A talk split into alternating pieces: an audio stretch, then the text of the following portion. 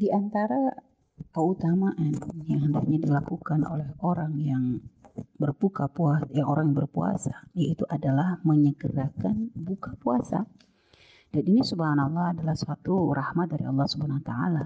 Dan memang ibadah dalam syariat Nabi Muhammad SAW itu tidak akan pernah memberatkan hambanya.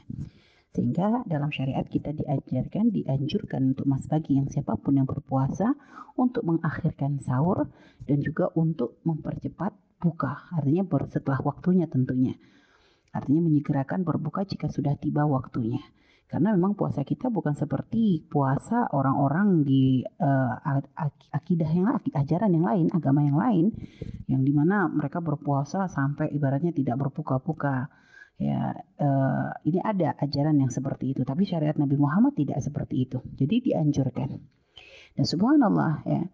Uh, Berbuka ini adalah merupakan satu kebahagiaan yang dirasakan oleh orang yang berpuasa. Makanya yang dikatakan di soimi farhatan bagi orang puasa itu ada dua kebahagiaan. Yaitu yang pertama adalah kebahagiaan ketika dia berbuka puasa. Yang kedua adalah kebahagiaan ketika dia bertemu nanti dengan Allah SWT buah dari ibadah puasa yang dilakukannya di dunia. Sehingga ya ketika kita berpuasa kita merasa senang dan itu nggak ada masalah. Dan juga mempersiapkan mempersiapkan diri untuk mempersiapkan apa yang akan kita makan dalam berbuka itu juga bukan suatu kesalahan. Asalkan bukan menjadi suatu yang berlebihan ya. Maka ada hal-hal kesunahan yang hendaknya kita perhatikan ketika kita berbuka puasa ya e, mengikuti apa yang diajarkan oleh Rasulullah SAW ya itu yang pertama adalah menyegerakan diri dalam berbuka artinya ketika mendengar suara adzan kita dianjurkan untuk segera berbuka uh, dengan ya pokoknya minimal gini membatalkan. Jadi makna berbuka ini bukan langsung harus makan komplit ya, tapi membatalkan puasa sesegera mungkin dengan memakan makanan. Akan tapi di sini memang ada urutan kesunahan yang hendaknya dimakan itu apa? Maka ini jangan ditinggalkan kesunahan ini ya. Di sini dianjurkan Rasulullah SAW memberikan berapa tingkatan. Kalau ada ya, yang paling pertama kali hendaknya kita makan adalah rutop.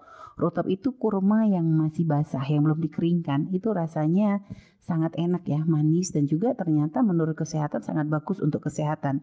Dan itu memang yang dimakan oleh Rasulullah SAW.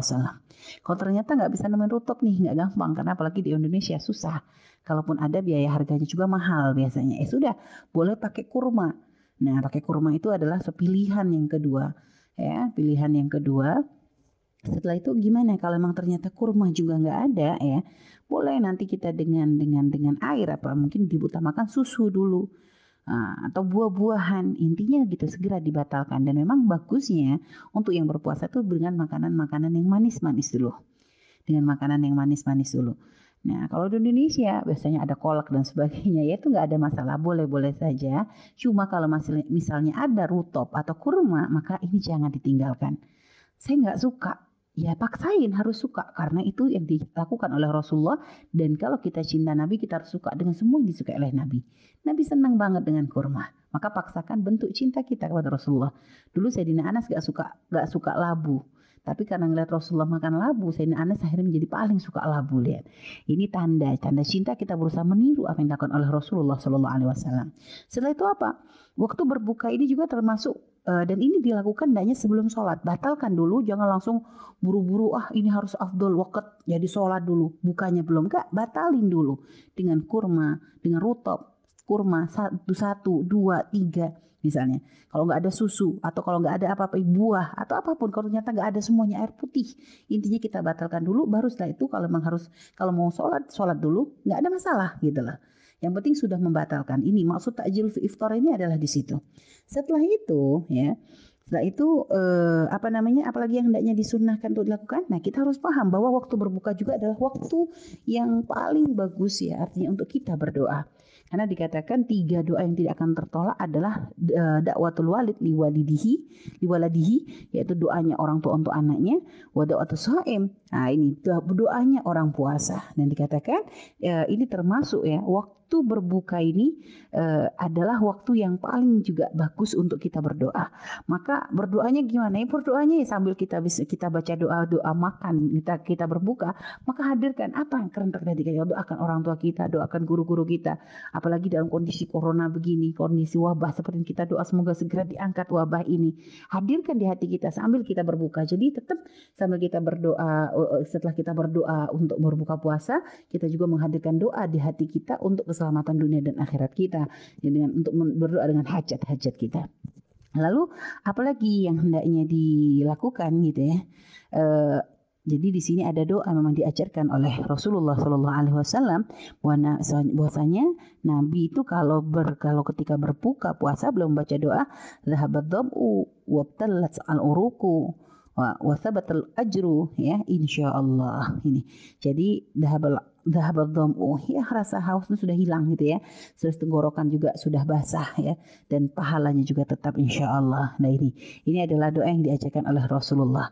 Adapun kalau seandainya kita membaca Allah malakasum tu wa mantu wa ala rizkika aftartu bi rahmatika arhamar rahimin ini juga bukan merupakan satu kesalahan ya. Walaupun memang tidak ada nas langsung akan tapi ternyata doa ini pun ternyata diambil dari dari hadis-hadis ya atau dari hadis-hadis yang disebutkan oleh Rasulullah walaupun dalam bentuk terpisah terpisah-pisah tapi ternyata jadi maknanya sendiri sama sekali bukan suatu pelanggaran seperti ada sebagian orang menyalahkan bagi siapa pun yang membaca doa ini ini adalah suatu hal yang tidak dibenarkan. Karena doa sendiri bukan doanya sendiri tidak melanggar tidak ada pelanggaran syariat dalamnya maknanya juga sangat luar sangat benar gitu ya. Artinya boleh yang sudah terbiasa membaca doa ini gak ada masalah. Yang penting intinya dalam ketika dalam keadaan kita lapar lalu setelah itu subhanallah kita seharian gak makan setelah itu pertama kali ketika kita menemukan hidangan ya minum makan kurma, me, terus lalu saat kita minum, maka jangan sampai kita tuh melupakan Allah Subhanahu wa taala. Karena kemampuan kita berpuasa juga adalah dari Allah dan kemudahan kita untuk bisa berbuka juga adalah nikmat dari Allah Subhanahu wa taala. Maka ini yang harus paling penting kita hadirkan adalah yaitu selalu menghadirkan Allah di dalam hati kita dalam setiap keadaan.